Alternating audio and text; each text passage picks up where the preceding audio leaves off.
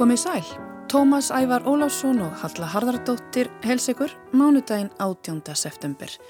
Í þætti dagsins ný jazzplata, hjólhísabögð við laugarvatn og perlan í Reykjavík. Tónlistin sem hér hljómar er glæni en á samantíma árskömmul. Læðið nefnist Journey's End og kemur af blötinu Óróa Puls en það er nýjútkominn jazzplata úr smiðju Kára Egilsonar.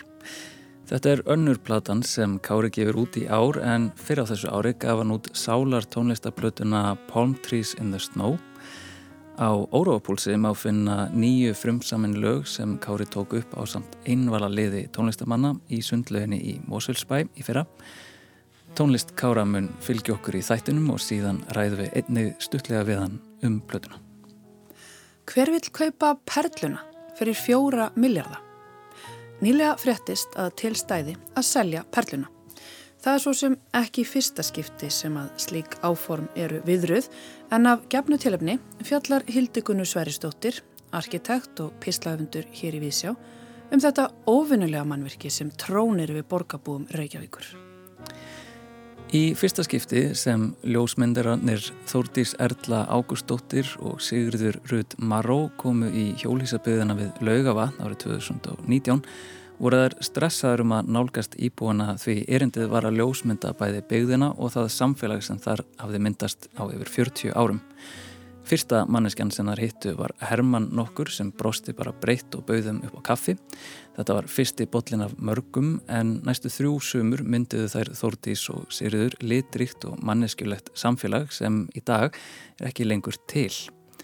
Afraksturinn hangir nú á vekkjum þjóðminniðarsaps á síningu sem kallast Ef Garðálvar getur talað og við lítum þar inn í þætti dagsins. En áðurum við heyrum af Perlun í Reykjavík og hjólísrabið við Laugavatn, heyrum við tónlist.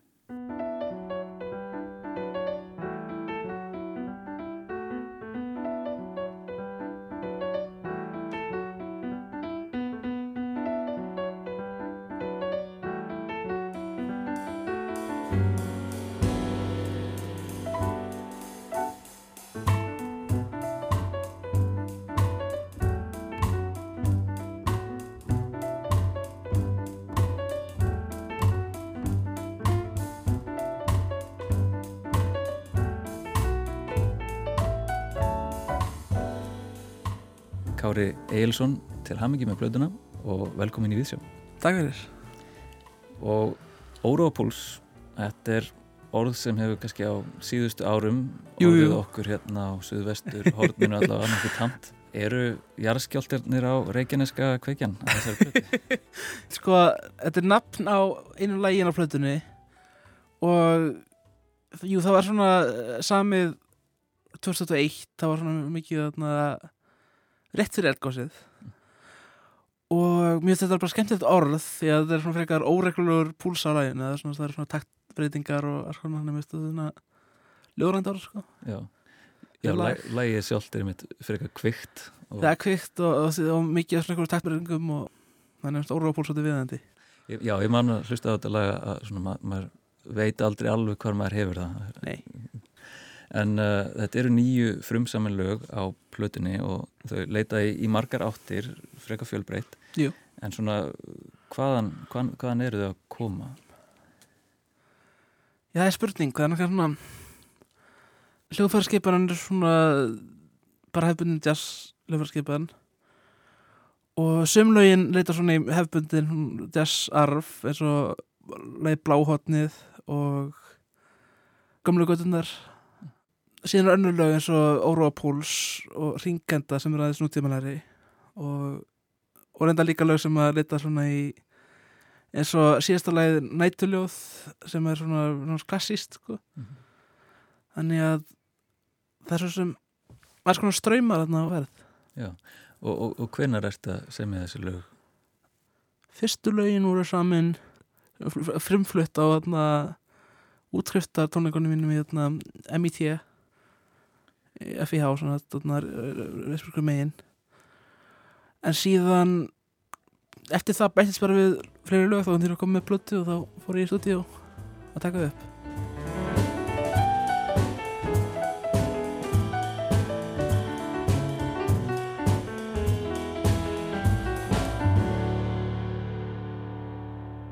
Það er gaman að taka hann upp í bytni sko.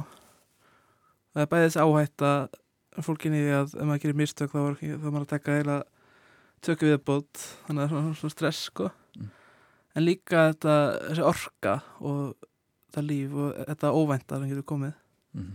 maður heyrði það stundum á plötunni þegar að eitthvað er að taka sóló og þá er gaman að heyra hvernig, hvernig annar hljóðfærarleikari er að fylgja sólóinu og, og einhvern veginn annarkvæmt herma eða, eða eftir í eitthvað eða stiðja undir það Og platan er tekin upp í sundlauginni og uh, það er Albert Finnbóðsson sem stýrir upptökunum og, og uh, en að hlusta á hana einmitt, þá fær maður svolítið, svolítið tilfinningu fyrir þessu lífi og, og, kannski áhættun aðeins en svo eru líka einmitt partar af plötunni sem eru mjög nákvæmir. Jú, uh, þannig ég fór að velta fyrir mér eru lögin sem sagt s- skrifið út, er þetta, þetta ítalegar útsetningar eða, eða er þetta treysta meira á svona áhættuna? Uh, þau eru ekki skrifið út nei, nema bara fyrir hljóðfærarleikara í svona jazzformi sem er með hljómum og, og laglínu en vissulega maður fyrir að spila eitthvað lag sem eru samið þá spilar það alltaf svona einhverju liti eins sko. meira svo en, en það maður að spila eftir aðra sko. þannig að það er kannski eitthvað sem að er svolítið svona ákveðið á þess að maður sé búin að skrifa það neður sérstaklega í næturljóði hérna, lokin, það er, ég spila það nokkurn veginn eins alltaf. En það er nánast svona klæsistykki með smá svona spunað þarna, Mm. kapla. Og spunin er auðvitað um, þessi stóri þáttur jazz Jú. tónlistar. algjörlega, og á plötunni er að finna mikið spunarými og jú, ég er til dæmis mjög sáttu við að heyra hann mjög gott bassasóló, jú. Held mikið upp á þau. Já. en uh, getur þú kannski frætt okkar aðeins um þitt eigið sjónarhótt á spunan þar að segja kannski svona reynd að koma orðum að því hvar þú ert í huganum þegar spunin tekur við. Það er eitthvað flæði sko sem er að reynda að útskýra í orðum.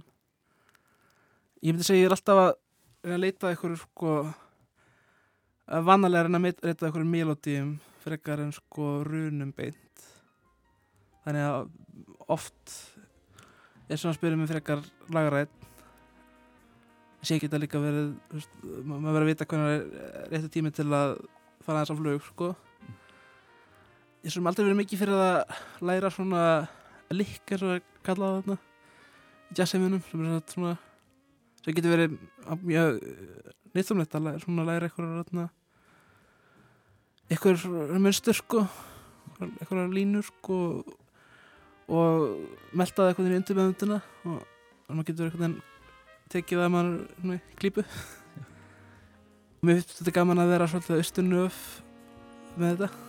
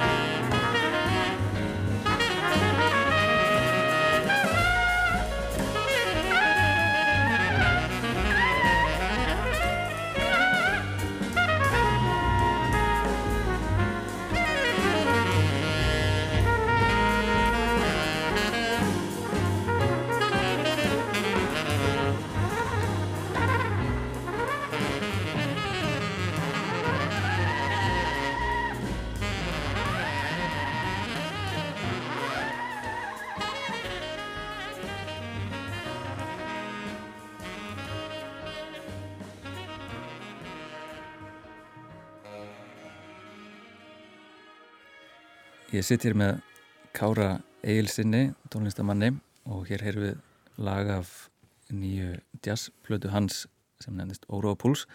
Lagið heitir Skarkali. Eh, Kári, hvað hva er hér í gangi? Jú, nafnið Skarkali er svolítið lýsandi. Hérna í lokin er langur sólókabli þar sem að Jóel Pálsson, saxofónleikari og Snorri Sigurðarsson, trompetleikari eru á sóló á sama tíma og það verður svolítið svona klikkara með tímanum. Var að gera meiri runur og var að hæra upp í tónsviðinu og hljómsveitin, ritmarsveitin fylgji með. Uh, ég hafði eitthvað hugsað mér svona eitthvað borgarnýð sko, eða svona skarkala svona, svona skemmtileg hugmynd. Þannig að ég held að heyri svolítið vel í þetta í þessu lagi. Og um, einan jazztónlistar uh, þá skipta hljóðfærarleikarar einmitt uh, miklu máli og, og það er oftar en ekki sem við þekkjum jáfnvel sko meðlima í hinum og þessum kvartettinum, kvindettinum og eigum uppáhalspassarleikara saxofónleikara og svo leiðis og hljóðfærarleikarnir á Óróapúlsi eru ekki Jú. að vera endunum nei, nei. Nico Moró á kontrabassa Mattias Hemstokk á trómum Jóel Pálsson á saxofón og Snorri Sigurðarsson á trompet Getur þú gefið okkur smá insýn inn í þetta ferli hvernig þú velur tónlistamenn til að spila á þessar blötu? Já, það er nú alltaf að hugsa sér betri hljómsveit á Íslandi og þótt við að vera að leitað. En jú, ég spilaði með honum Jóel og Matta á prófi og síðan kynntist ég Níko í gegnum eitt píanokennara minn hann Agnar Má. Og við hefum verið að spila svolítið mikið saman síðan þá sko hún sapnaði saman þessi sveit en mér finnst bara að gott að geta haft hljómsveit sem að getur tekið lag og lerta á sundum tíma og veginn bara geta sína einn sko. mm og, og flæðið skapast aðeim leið eða þurftu það eins að púsa ykkur saman? Það voru einhverju ræfingar en svona það skapast nú fljótt flæðið með svona góðum tónlistamennum kannski ekki mikið það þarf að púsa Nú er fyrir mig stutt síðan uh, fyrsta plattaðinn Palm Trees in the Snow Jú. kom út. Uh, það var í mars á þessu ári. Svo platta var já, sönglega platta sálartónlista stíl, ritma og blues blanda. Þar. En á Óraðapúlsi er engin söngur Nei. og píanóið komið í fórgrunnin og ég mitt komin á kaffi jazztónlist og, og, og leikur smá fórutna að vita bara hvernig hver munurinn er að taka upp plötur með svona stuttu millibili í tveimur mismundi stílum. Ég hef alltaf verið svo mikið í báum tegundurum á tónlist og þetta líka klassík þannig að ég, ég hugsa ekki mikið um það en, en það er svolítið gaman að geta ferðið svona mismunandi stíla og leikis að þeim en allt, allt önnur upplifin að taka upp þessar plötu Orvapúls og Pontus in the Snow. Pontus in the Snow var unnin á löngum tíma þar sem að eittljóð verður ekki fyrir sig og svo var fimpúsuð og þau hlugsuð og meðan að Orvapúls var tekin í einu herbyrgi á tömudöfum það er svolítið skrítið að þurfa sko að velja tökur sem er kannski ekki fullkomnar en það er bara að velja bara eftir fílingnum og eftir bara held, helda myndinni sko. Mér sem er fyrst eitthvað er eitthvað að ætla að gera öðru í þessu sólói þá getur maður ekki bara að sjá um það maður er líka að hugsa um heldasöfin mm. Og Óraða Púls var tekin upp í, í fyrra og, og þú veist verið mjög spenntur að platan sé loksins að líta jú, dagsins jú. ljós eh, var útgáðuferðlið tímafrætt? Það var ekki tímafrætt nema bara þarna bara að finna tíma sko það, það var ekkert mikið sem að fór í það mm. uh, það er aldar sem að dreifir plötunni sem dreifir líka popplötunni minni það er kannski aðla spurning um að hafa smá tíma milli aðeins það er ekki að svona, setja mikið einu uh, en það er svolítið leiðilegt að það get ekki komið jazzplötun út aðeins fyrir og það sér kannski ekki praktískast að ég hef mig svona vita af jú, jú. en fá ekki að hleypa því út Já, eh. það er alltaf leið En ef við horfum fram á veginn þú hefur nú gefið út uh, þá tvær plötur á sama ári jú. 2023 uh, munum við sjá þá þriði ári 2024 Já, ég get eiginlega fullir það. Það verður fyrst popplata en það verður gaman að hendi hér á jazz líka kannski. Samkvæmt að verður 2004 eða 2005 Það verður gaman að sjá. Um, en Kári Eilsson, takk kærlega fyrir komin í vissi og enn og aftur til hamingi með plötuna. Takk fyrir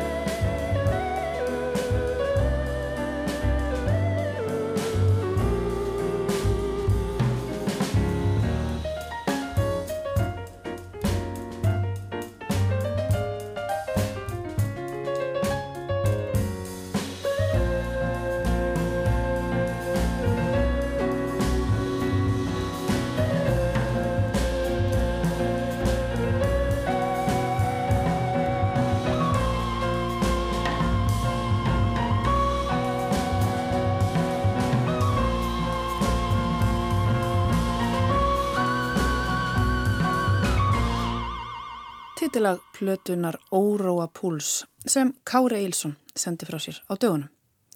En Perlan er bygging sem að flestir borgarbúar hafa skoðun á og nýlega bárustar fréttir, ekki reyndar í fyrsta sinn, að tilstendur að selja bygginguna. Hildegunur Sveristóttir tekur nú við. Rétt eftir Ísöld flutu nokkrar eigjar á Faxaflóa. Eigjar sem eftir landris urðu þar hæðir sem höfuborgin Reykjavík kúrir á og á milli. Allt frá tímum gríska borgríkisins hafa hæðir verið notaður til að sína menningalegt veldi samfélaga og Reykjavík engin undantekning. Á sínum hæðum sínir hún sín fínustu gull. Við sóleima standa stolt mótinis káhísi sem standa verið hugssjón borgarinnar um betri tíma fyrir láleinu fólk eftir langvarandi húsnæðiskreppu. Í miðbænum gnæfir sjálf Hallgrenskirkja yfir borginni á skólaveruholtinu sem átt að vera háborg menningarinnar. Strax árið 1930 lísti Jóhannes Kjærval hugmyndum um kristalskreita Ljómaborg musteri á öskuliðinni í bóksinni Grjót. Með tilveitnunni Kjarval átt að þekja musterisliðarna speilhellum svo norðuljósin getur nálgast fætur mannana. Átt að skreita þakið kristallum í allavega litum og ljóskastari átt að vera efst á mæninum sem lísti út um alla geima.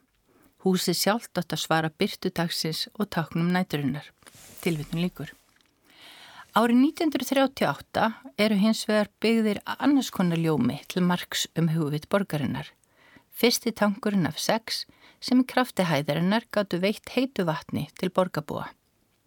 Í gegnum alla 20-stöldina komi ítrykkað upp hugmyndir um að fremkoma það sem Kjærval sá fyrir sér ofan á hýtaveitu-töngunum og síðasti áratví aldarinnar árið 1991 stóð þar fullgerð perla, hálf ofan í töngunum að þér virtist hálfsveif hún að sporbegi um sun eigin ás og bauð sín til allra átta yfir sjónarönd borgarinnar. Nýlega frettist að tilstæði að selja hana og ekki fyrsta skipti. Það hefur þó aldrei orðið að neinu ef fráir talið þegar Reykjavíkuborg kefti hana af orkuveitinni árið 2013. Fastegnumat hennar er talið heili fjórun miljardar. Hver vil köpa perluna á fjóra miljardar? Ef ég leiði fyrir segjum 100.000 krónur á mánuði tækja mig 4.000 mánuði eða 333 ár að ná að greiðan upp. Það er sennilegi hjá því komist að nefna að Perlan var byggð í borgarstjóratíð Davís Ottssonar og það voru reyndar ófáður hortsteinarnir sem hann lagði á þeim tíma. Má það nefna ykkur Perlunar, ráðhúsið, hústýragarðin og endurgerð viðegarstofu.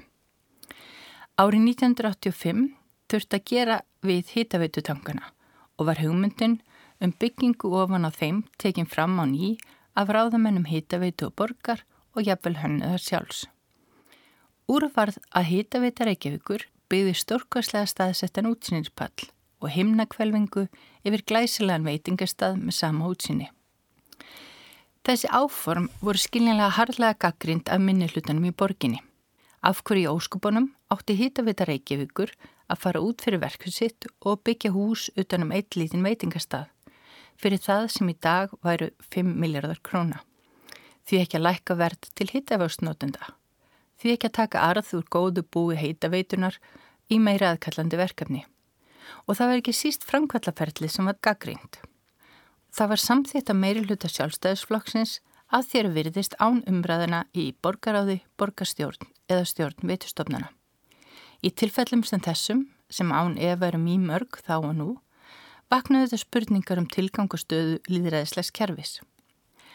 Þá örluði á grunni um að borgastjóri væri helst að reysa sjálfum sér um minnisvarða. Og það er ju alls ekki óþægt, mittir hann fraklinsfórsiti var harlega gaggrindur og sömu fórsendum vegna stóra bygginga sem reista voru í fórstu tíðans meðal annars glerpyramítan í rúf, orsisafnið og ekki síst nýja landsbókarsopt frakka. Verk sem vissulega voru veigameiri en hústýragarðurinn en á sama hátt pólitísk þar sem þeim var ætlað að standa fyrir stórar hugsunir sósialistaflokksins um að endur líka menningalegt landsla Parísar. Þið sama mætti kannski segja um borgastjóran og sjálfstæðisflokkin í reikvísku borgarlandslægi. Ólíkt ráðhúsinu var Perlan ekki sett í arkitektursamkjöfni. Það hafði reynda verið lenska fram eftir öldinni að stærri verkefni ríkis og sveitafélaga fjallu í hendur hlýðhóllra arkitekta ríkjandi flokka. Ingemyndi Sveinsson arkitekt hafði hannað endurbyggingu hýtavitutangana og hafði eftir vil átt þátt í að endurvekja hugmyndina um útsýnisbyggingu á þeim og hannaði í framhaldinu nýbygginguna. Árið 1991 opnar Perlan við hátíla aðtöfn og færir hýtavita Reykjavíkur borgurunum hannað gjöf.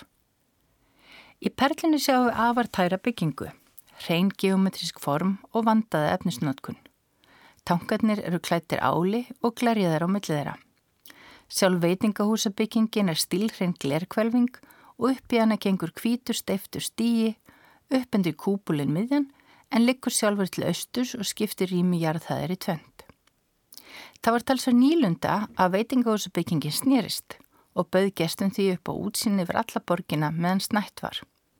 Veitingastæðurum var sannlega talinn til þeirra bestu Reykjavík á sínum tíma og dróðið sér fólk úr fítningræðsum bæjarins og annað fólk í hátíðaskapi.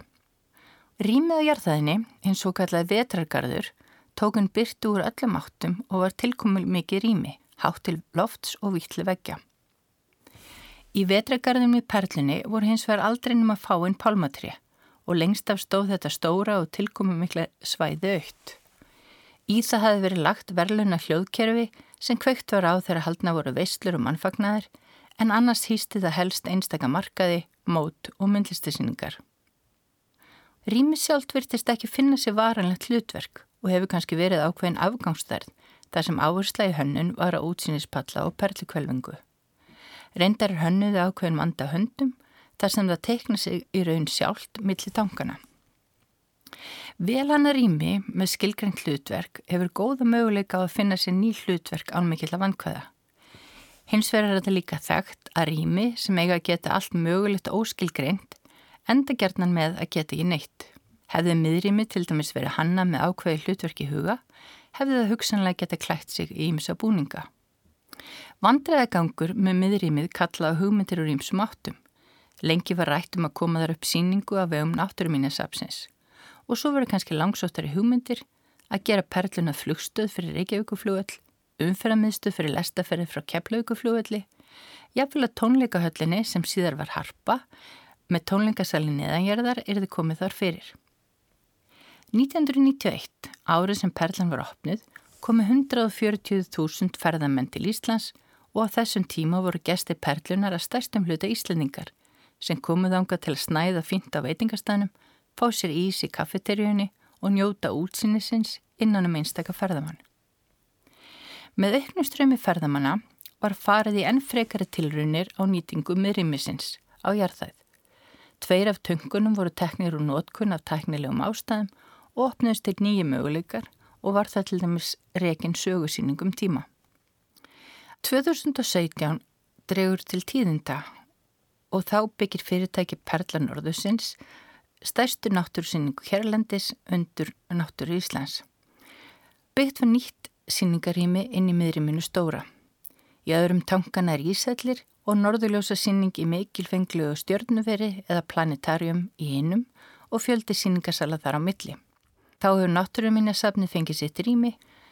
Gömlum leðsugumanni þykir hér vel að verki staðið, síningin gefa góða mynd af landi, náttúru og sögu Þótt það að eigna norðuljósunum, regnbó og brúna beðröst sé kannski fullan gengið í landkynningunni. En það þurftir sem sagt að byggja byggingu inn í bygginguna til að fá miðrýmið til að virka. Sýningakráparnir skjóta sér með sölum og brúm millir staða í miðrýminu sem áður stóð svo tómt. Frá arkitektulegu sjónaröðni er það sýningin sem móta rýmið en ekki öfugt. Hinn nýju rými tala kvorki efnis niður gæðarlega við þá byggingu sem þau búa í. Óskandi og viðegandi hefði verið frá arkitektúrlegu sjónarhörni að þessi innri bygging hefði verið hönnuð að einhverju leita forsendum hennar stílhreinu byggingar sem umlikur hana, að hún stæði í arkitektonísku samengi við húsi sjálft. Að utandala perlan til stór skala er nokkuð einangruð, með kirkjugar til austurs, útivistasvæð og flúvöll til söðurs, fótboltafelli til vesturs og umfyrðunga stoppbröð til norðurs því er aðkoman að henni að forsendum bílsins. Hún dregu gestin langa leið að en verpi svo síninni aftur út í einn fjarlaga sjóndeldarhing. Í gegnum tíðina hafa kongar og keisarar, einræðisherrar og líðræðilegi fórsetar reist dýrarbyggingar sem eigaði lýsa stórhug og menningastígi. Í greini DFF frá 2016 segist Egil Helgason hafa spurt Davíð Oddsson hvers vegna svona mikið fjármagn væri sett í þessa byggingu. Sem Davíð hefði svarað á þá leið að það væri mikið af fólki sem ekki vissi hvað það ætti að gera af sér á sunnudögum. Þetta svar hefur sjálfsagt átt að vera kymni en er kannski full léttvægt. Við hljótum að spyrja okkur hversu mikilvægt að sé að hafa slík kostnaða sem kennileiti. Gefaði nútíma samfélagi auki gildi og vægi í sálarlífi nútíma borgara. Eru þau ásættanlegri ef þau eru fjárvarslega sjálfbar og laða til dæmis að sér ferðamenn. Hýtaveita Reykjavíkur borgaði á núverði 5 miljardar utanum útsýnispall og luxusveitingahús sem var í samkeppni við önnur veitingahús í borginni og sem ljóst var að mynda aldrei standa undir sér. Í kaupbæti var fallegt en vannburðugt rými sem átti sér ekki hlutverk sem slíkt. En landslæði hefur breyst. Hlutverk perlunar hefur breyst úr því að vera samegn borgarbúa í að vera áfangastæður margra af hennum tveimur miljónum ferðamanna sem heimsækja landið. Samkvæmt upplýsingum frá síningarhöldurum koma nú um 600.000 manns í perluna á ári og sækja 400.000 síninguna. 95% gesta á síningunni eru erlendi ferðamenn. Þriðjungu gesta fyrir engungu upp á útsýnispalla og veitingahús trátt fyrir ríflegan aðgangsæri. Glæsi veitingastæður heldri íslendinga hefur lagt upp laupana og í staðin eru komnar minnjagreipaveslanir og léttir veitingastæðir. Sýningabyggingarnar innan stóra tómarýmisins hafa tekið yfir hlutverk perlunar sem fyrst var kannski talin hérkomlega hugmynd um minnismerki og lítinn luxusveitingastað sem kurðendu glerkvælungu en er nú orðin einn helsti áfangastaðu borgarinnar. Eftir áratuga taprekstur og álögur á borgarkassan horfið nú til betri vegar. Og nú stendur til að selja perluna. Miða við síaukinn fjöldaferðamanna og ónýttra möguleika í perluríminu maður leggja upp með nýtt reiknistæmi. Síu gestur enna 600.000 ári og greiða 5.700 í aðgangsæri er auðvelt að áalla gróflega að fjármagnið sem flæðir í gegnum afgreðslukassa í allt of háa andirinu sé hátt í helmingur af söluverðanar. Því er spurningin kannski að öndanum, hver myndi ekki kaupa perluna? Hildegunur Sveristóttir rifiði hér upp sögu perlunar en frá perlunu likur leið okkar yfir Vasmýrina og inn á þjóðminnasafn.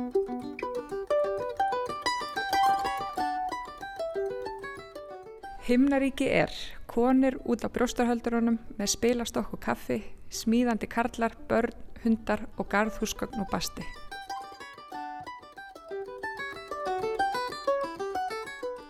Vegir mennskunar eru bæði rannsakanlegir og fyrirsjánlegir, alltaf skrautlegir en stundur svo vel meinandi og blæðbriða ríkir að trjám hlínar um rætur og gerfiblóm kinkakolli.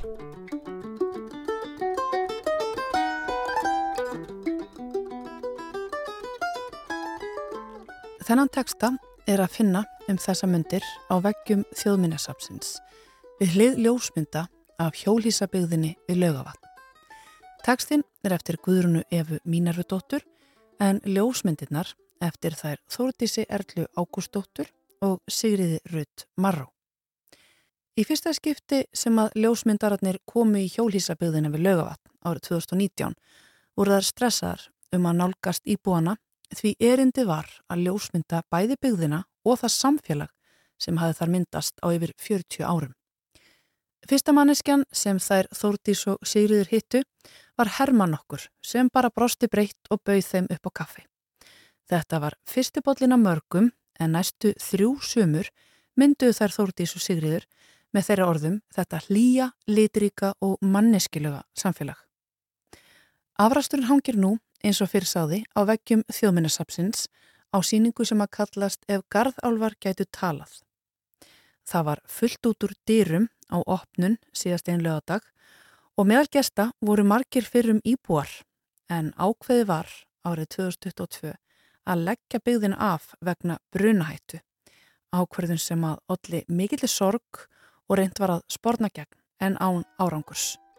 Ég hitti ljósmyndarina á sapninu og fekk að heyra betra verkefninu en heyru fyrst hvaða var sem að leiti þær út í ljósmyndum.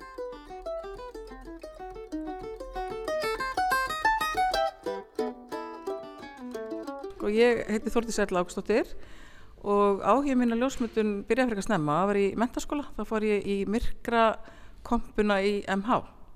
Uh, sá, sá klubur er ennþá til sko í MH og byr, ég var bara strax mjög ástriðfull og festist bara í þess, þessu ljósmyndun. Og hérna síðan fór ég í ljósmyndaháskóla í Fraklandi, í Arl í Suðfraklandi og uh, hef alla tíð uh, sérst, uh, bara unni við, við þetta með öðru reyndar sko en, en er að kenna ljósmyndun og taka ljósmyndir eða vinna við ljósmyndun. En ég hugsa einmitt oft um þetta hvers vegna er maður að gera þetta til hvers, en þetta er bara einhvern veginn eitthvað, eitthvað þörf. Ég heiti Sigri Rutumarró og hérna mætti segja að uh, þegar ég var í mættaskólum á laugatni þá var ég og vinkurum minn uh, hérna, alltaf að bralla saman að gera vídeo og svona fengum að skila inn í staðan fyrir rítgerðir gerðu við þess að svona lítil vídeo. Ég er miklu sterkari þar, svona sjónræn. Ég fann það bara, var, hérna, þetta átti betur við mig svo fór ég hérna uh, í gegnum bróðum minn að vinna í kvikmyndagerð og hérna var þar í einhver ár lærði fjölmjölafræði gerði þar einmitt heimildamind í staðan fyrir hérna, B.A. Ritger var fyrsta sem fekk að gera það og því ég er bara ekki góð í að gera Ritgerir því bara hérna uh, og ég uh, sagt, eftir það langaði mig að fara að gera heimildamindir þá var svona, í fjölmjölafræðinni læriði ég svolítið svona að finna eitthvað, hvað er áhugavert, hvað er áhugavert einmitt að, veist, á, áhugaverða sögur í raun og öru og hérna fór í mastersnám í menningamilun og Þórdís var að kenna mér þar í, hérna, kendi mér ljósmynd áfanga. Og hérna þar hérna kviknaði áhugum minn á ljósmyndun bara ég, heru, nei, ég skipti yfir. Þannig að ég gerði lokaverkefni mitt mastersverkefni mitt e, ljósmyndaverkefni um kaupmannin og hodninu síðustu Þórdís var leiðbennandi minn í því verkefni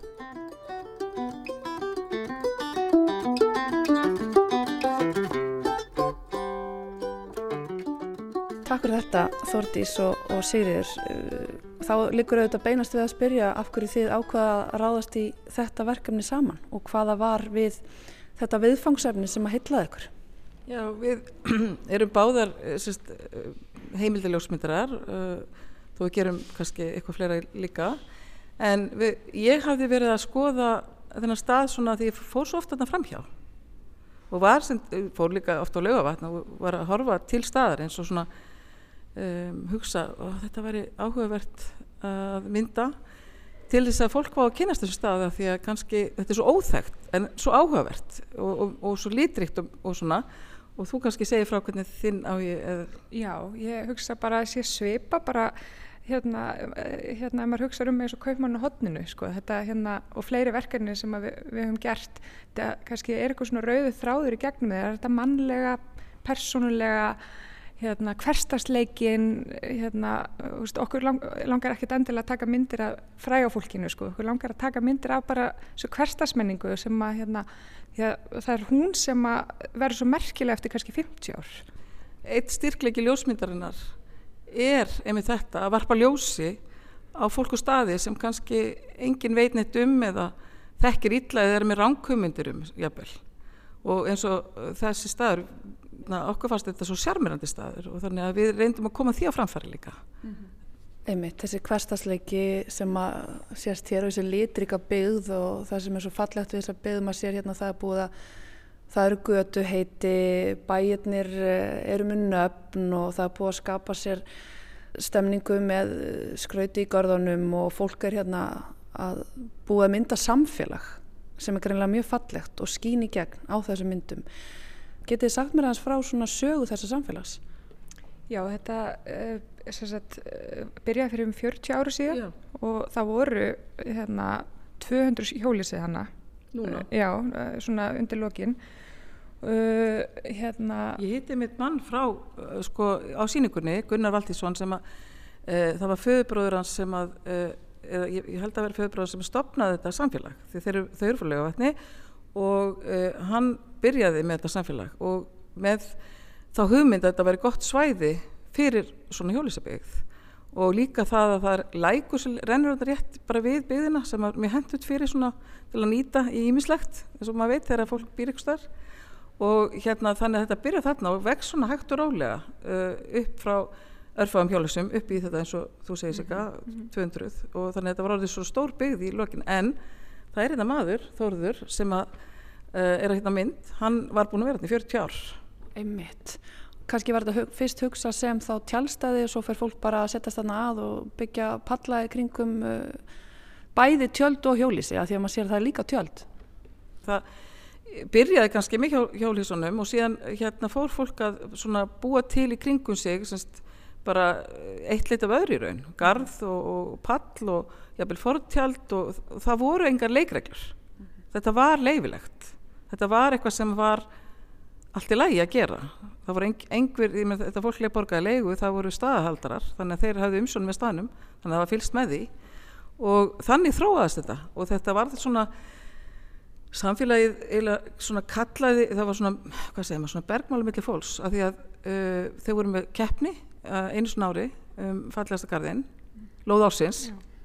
og þannig að það var svona pínu kannski keppni um það hver geti gert, þú veist. Mm -hmm. Já, ætla þetta sé ekki bara eins og með öll samfélag þetta bara svona þróast einhvern veginn með tímanum og enga leikreglur en það svona verður samt eitthvað samljómur hann á milli. Hérna þau horfa í næsta garð, þeir eru, ú, þetta er flott. Hérna, sér það það er svona garð þetta er svona ákveðið þema í, mhm. í hérna á hverjum stað þannig fyrir sig. Þannig að mhm. hérna, já. Það myndast eitthvað svona stemningu bara um að fæðra umhverfið sitt. Já. en uh, sem að fjall ekki öllum ekki eða og svo þetta leið þetta undir lók eins og við vitum. Hvenar, af hverju og, og svona hvernig gerst það?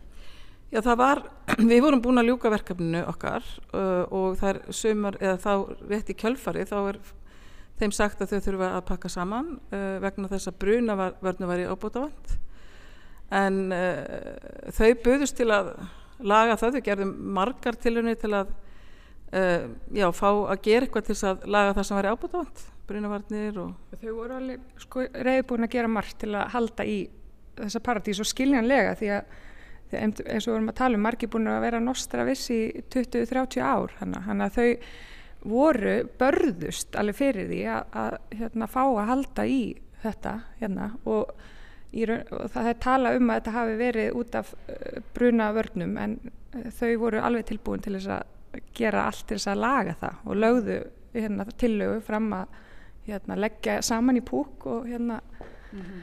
þannig að við vitum ekki Nei. alveg hvað Nei, svo bara, sko, svo hérna uh, Sigrir einn konan einn ein konan hérna á sveðinu sagði við mig að þetta var þetta var þeim svo mikið hjartasmál að fá að halda þessu að því að eins og í hennatilfelli þá hitt hún sýstu sína aðla þarna til dæmis, til dæmis hún kom þarna mjög oft og sýstir hennar líka og þetta var staðin þar sem þar hittust þannig að eins og hún sagði þetta voru þetta var miklu mikilvæg heldur nokkuð maður að ímynda sér.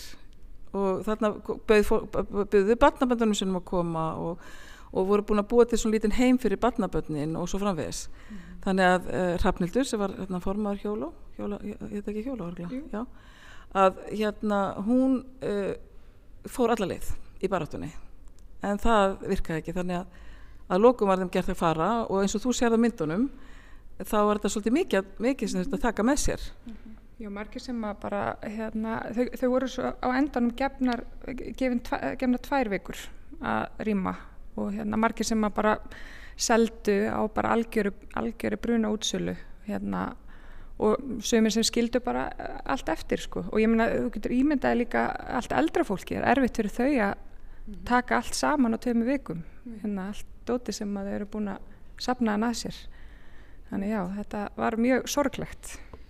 Mér heyrist að þið hafi ekki vitað að þetta var liðundu lókarna þegar þið gangi inn í verkefni eða hvað? Nei, við hefum ekki hugmynd um það, Nei.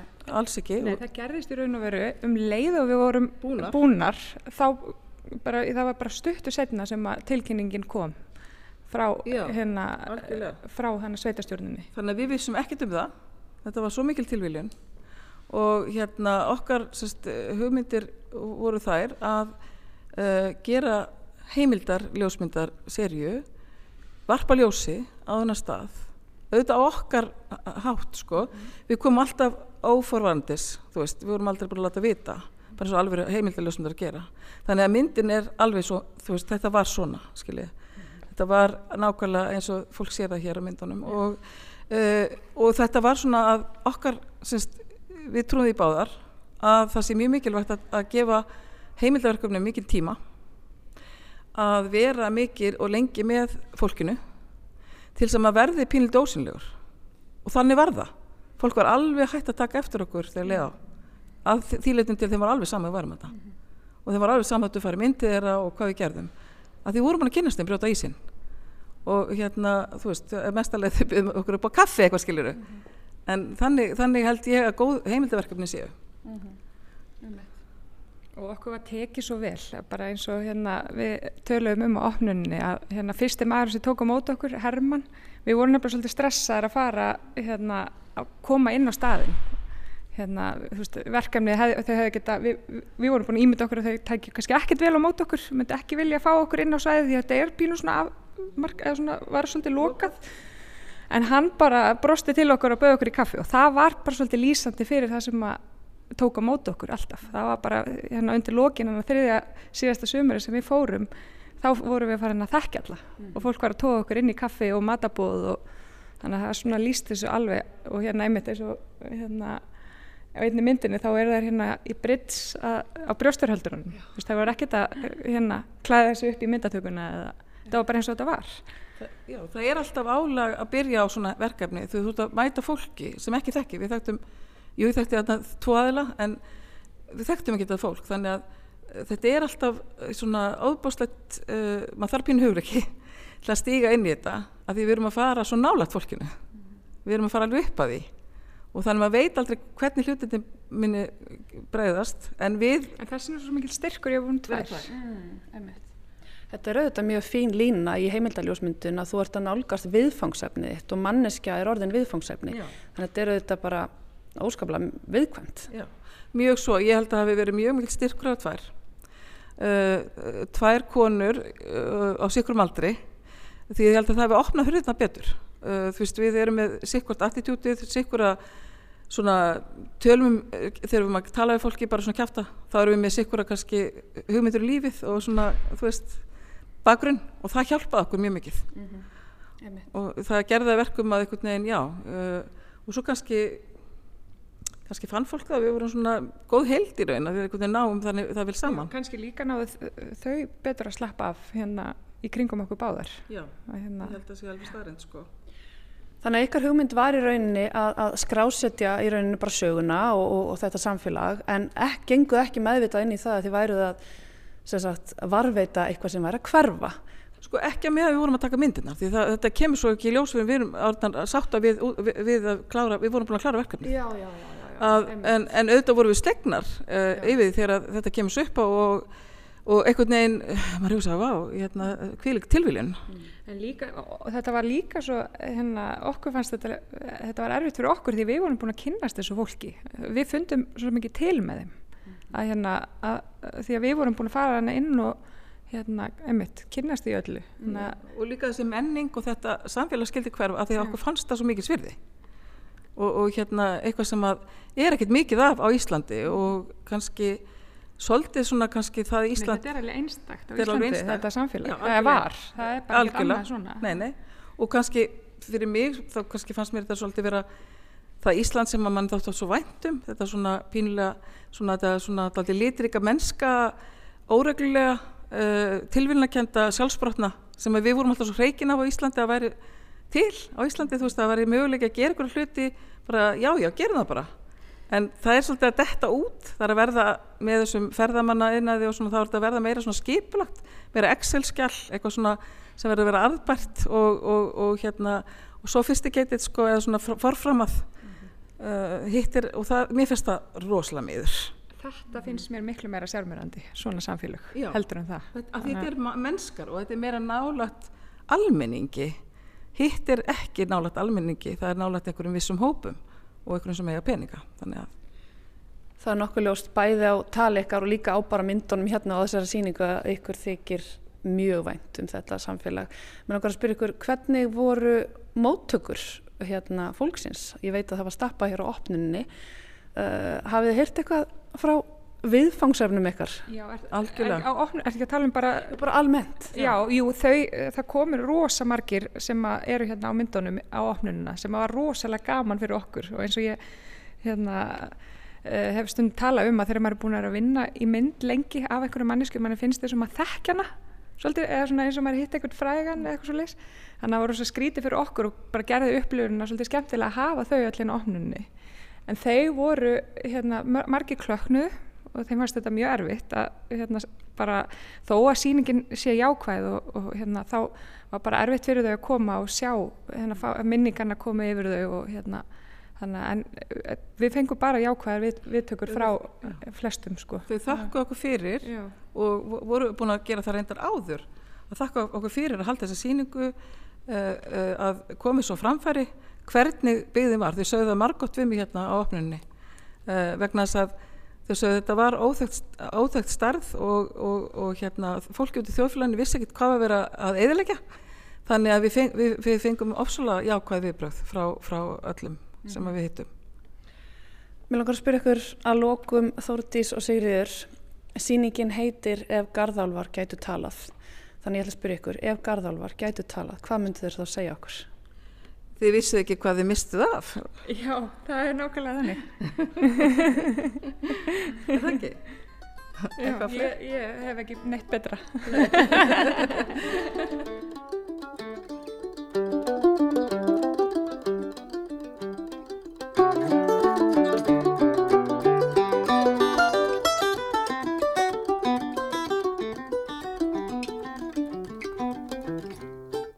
Halla rætti við þær Þórdísi Erlu Ágústóttur og Sigriði Rutt Marró um síninguna Ef Garðálvar getur talað og það var ameríski mandolínleikarin Kristoffer Tæl sem leik eftir sínunefi Minuat eftir Bach í þessu einslægi. Og hér erum við komin að lokum þáttarins í dag. Við verðum að sjálfsögðu aftur með ykkur á sama tíma morgun og auðvitað hvena sem er í spilararúf. Kári Eilsson tekur nú við og kynir fyrir okkur lokalag þáttar. Já, þetta lag heitir Nætuljóð eða Nocturn og það er lokalega á plötunni. Það kemur beint eftir skarkala sem að er hlutið vilt niður lókin og það er bara, í Nætuljóði er ég bara einna píanónu að spila svona, já, Nætuljóð, mjög angurvert lag og í lokin má heyra málhljóm sem er alltaf svolítið fallegur og svona endanlegur. Nánast svona eins og eins og dauðin en að góða nátt